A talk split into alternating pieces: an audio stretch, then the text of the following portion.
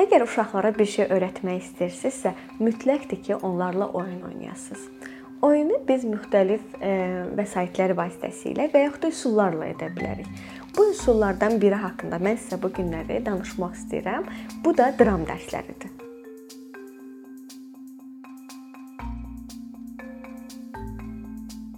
Dram dərsləri əslində uşağa o qədər yeni e, ideyalar, o qədər yeni şeylər öyrədir ki, mütləqdir ki, biz bunu dərs kimi, fən kimi məktəblərdə görək.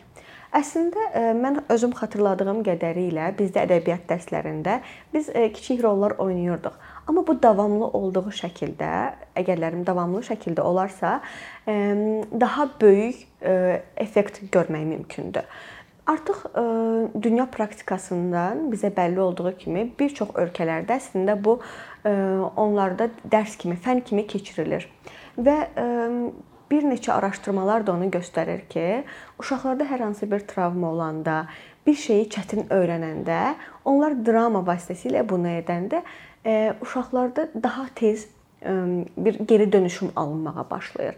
Yəni uşaqların öyrənmə qabiliyyətini tezləşdirir dram dərsləri.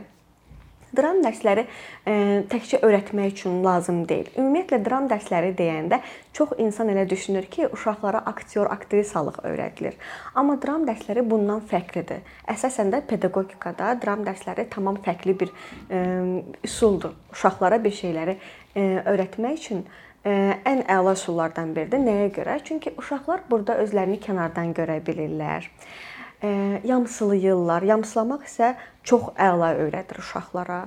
Müxtəlif səslər çıxartmağı öyrənirlər. Bu isə onlarda özgüvəni artırır. Çünki bir neçə insanın qarşısında onlar hər hansı bir rol oynamalıdırlar. Belə olduğu təqdirdə onlar kreativlikləri artır. Yəni çünki sən ona deyirsən ki, sən bu günləri məsələn bir tülküsən. Tülkü necə olur? Sən onu bizə göstər. Sən ona sadəcə kiçik bir e, toxunuş eləyirsən, bir makiyaj eləyirsən, deyək ki, qrimdən istifadə edirsən, uşaq artıq həmin rolu oynamağa başlayır və e, sən onun kreativliyinin necə artdığını hər dərs görə bilirsən. Bu dram dərsləri e, uşaqlara təkcə öyrənməkdə köməklik göstərmir.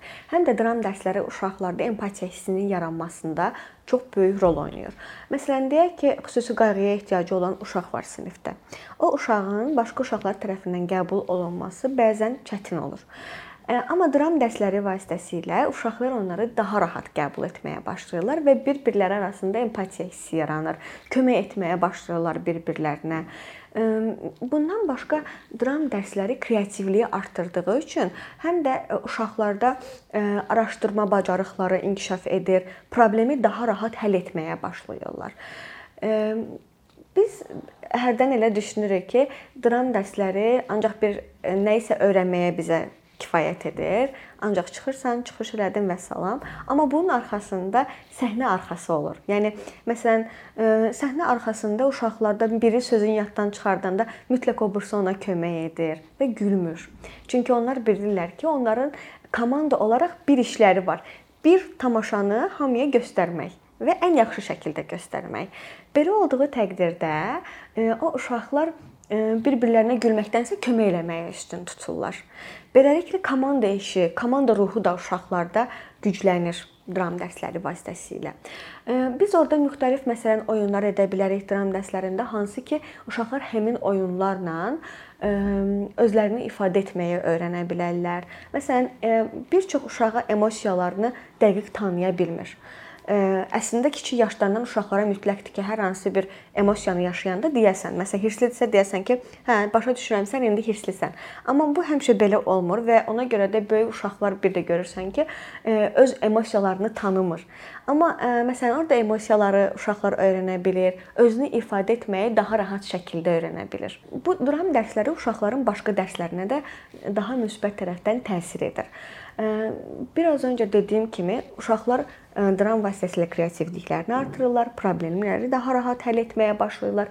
Belə olduğu təqdirdə uşaqların başqa dərslərində də onlar məntiqi daha yaxşı başa düşməyə başlayırlar. Bir də dram dərsi axı təkcə bir roldan ibarət deyil. Dramı göstərməmişdən öncə hər hansı bir hekayəni götürürsən, uşaqlarla oxuyursan, uşaqlarla fəlsəfə edirsən Uşaqlarla fəlsəfə nədir? Burada Sokratdan danışılmır. Uşaqlara niyə sualını verirsən və niyə sualını verdikcə uşaqlar daha dərin düşünməyə başlayırlar.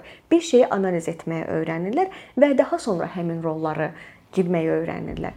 Belə olduğu təqdirdə uşaqların niyə sualına cavab verdiyi təqdirdə artıq başqa dərslərdə də onlar niyə sualına daha asan cavab tapırlar. Analitik qabiliyyət gücləndikcə çünki insan bütün problemləri həll edə bilir.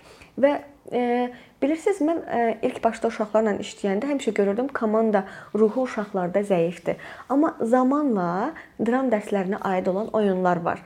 Hətta biraz rəqib oyunları da olur burada. Çünki komandada biz həmişə işləyirik. Onlar hətta sinifdə belə bir komandadılar, sabah iş yerində bir komandadılar.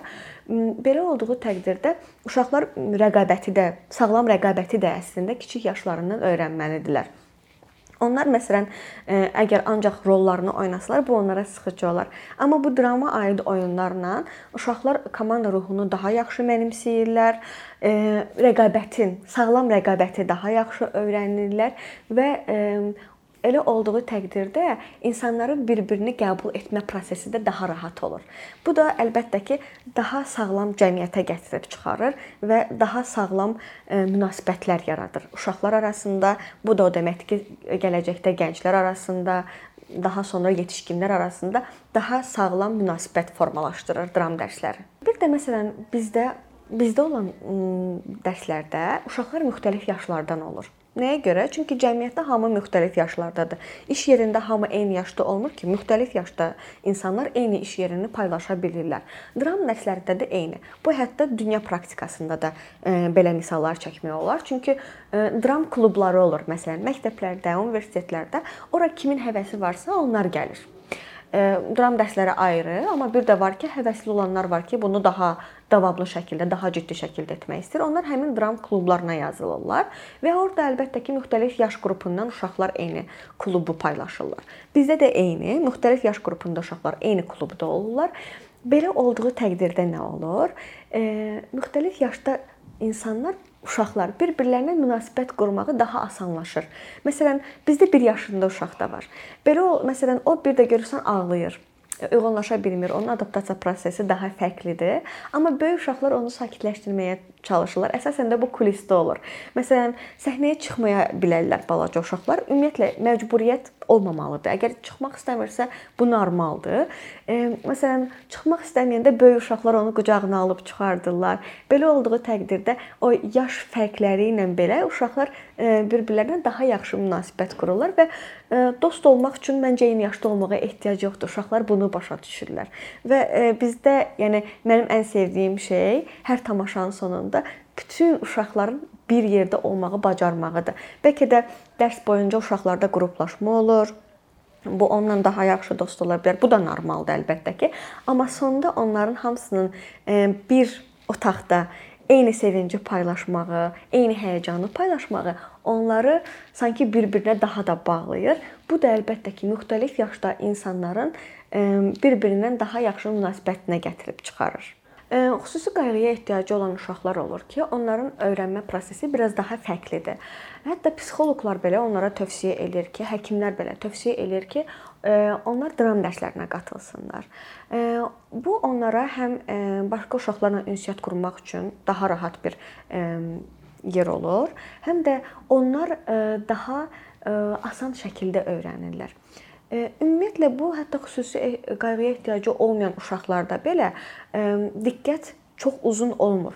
Yəni uşaqlar heç vaxt 45 dəqiqə, 1 saat əslində bir yerdə oturub nə isə öyrənə bilməzlər. Çünki 5 dəqiqədən sonra onsuz da onlar artıq daha fikirləri başqa yerlərə gedir və s. Amma dram dərslərində ki, bizdə oyunlar olur, onlara aralar verilir. Bu nəinki xüsusi qayğıya ehtiyacı olan uşaqlar üçün, başqa uşaqlar üçün də öyrənməni asanlaşdırır. Məsələn, bu dərslər Azərbaycan dilində yox, başqa dillərdə olanda uşaqlar həmin dili də daha rahat mənimsəyirlər. Məsələn, bizim məktəbdə biz belə teatrlar eləyirdik fərqli dillərdə və məncə mənim xarici dilə marağım elə həmin dövrdən yaranmağa başladı. Çünki Bizdə məsələn 4-cü sinifi isə Küllücəni oynayırdıq. Daha böyük siniflərdə hətta biz Azərbaycan kinolarını tərcümə edib oynayırdıq. Kiçik bir rol verilirdi sənə, amma sən gəlirdin, bəzənirdin, düzənirdin, onu öyrənirdin, danışırdın. Çox insan qarşısına çıxırdın. Belə olduğu təqdirdə dili daha rahat mənimsəyirdin və özünü daha önəmli hiss eləməyə başlayırdın və nə isə yaratdığını düşünürdün. Ümumiyyətlə çox insan qarşısında çıxış eləmək hər adamda alınan məsələ deyil. Çünki əvvəlcədən onu kiçik yaşlarında əslində uşaqlara öyrətmək lazımdır. Mən çox insanlar tanıyıram. Məsələn, bizdə hətta belə bir hadisə var idi ki, mənə lazım idi valideynlər öz fikirlərini bölüşsünlər kamera qarşısında. Çox valideyn dedi ki, mən utanıram, mən danışa bilmərəm kamera qarşısında. Amma uşaqlar rahatçılıqla həmin intervyunu verə bildilər. Çünki onlar artıq dəfələrlə səhnədə olublar, özlərini ifadə eləyiblər. Ona görə e, onlara kamera elə də qorxulu gəlmir.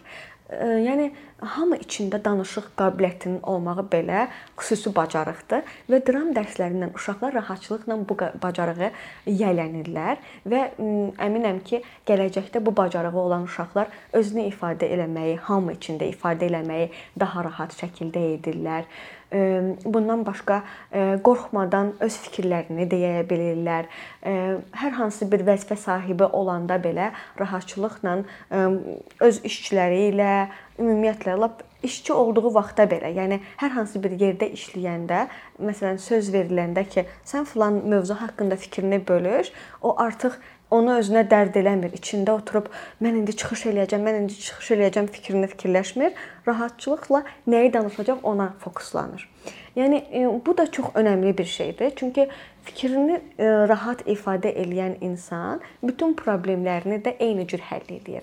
Bu da əlbəttə ki, gələcəkdə aqressiya olmayan cəmiyyətə gətirib çıxarır ki, fikrini rahat ifadə edən insan heç vaxt səs tonunu qaldırmaz, heç vaxt dava-dalaşa e, çalış çalışmaz. Ona görə də yenə də hər bir şey bir-birindən zəncirvari əlaqələnir və sonda daha xoşbəxt cəmiyyətə gətirib çıxarır. Dram dərsləri və başqa bu kimi vasitələr. Thank you. What the fuck?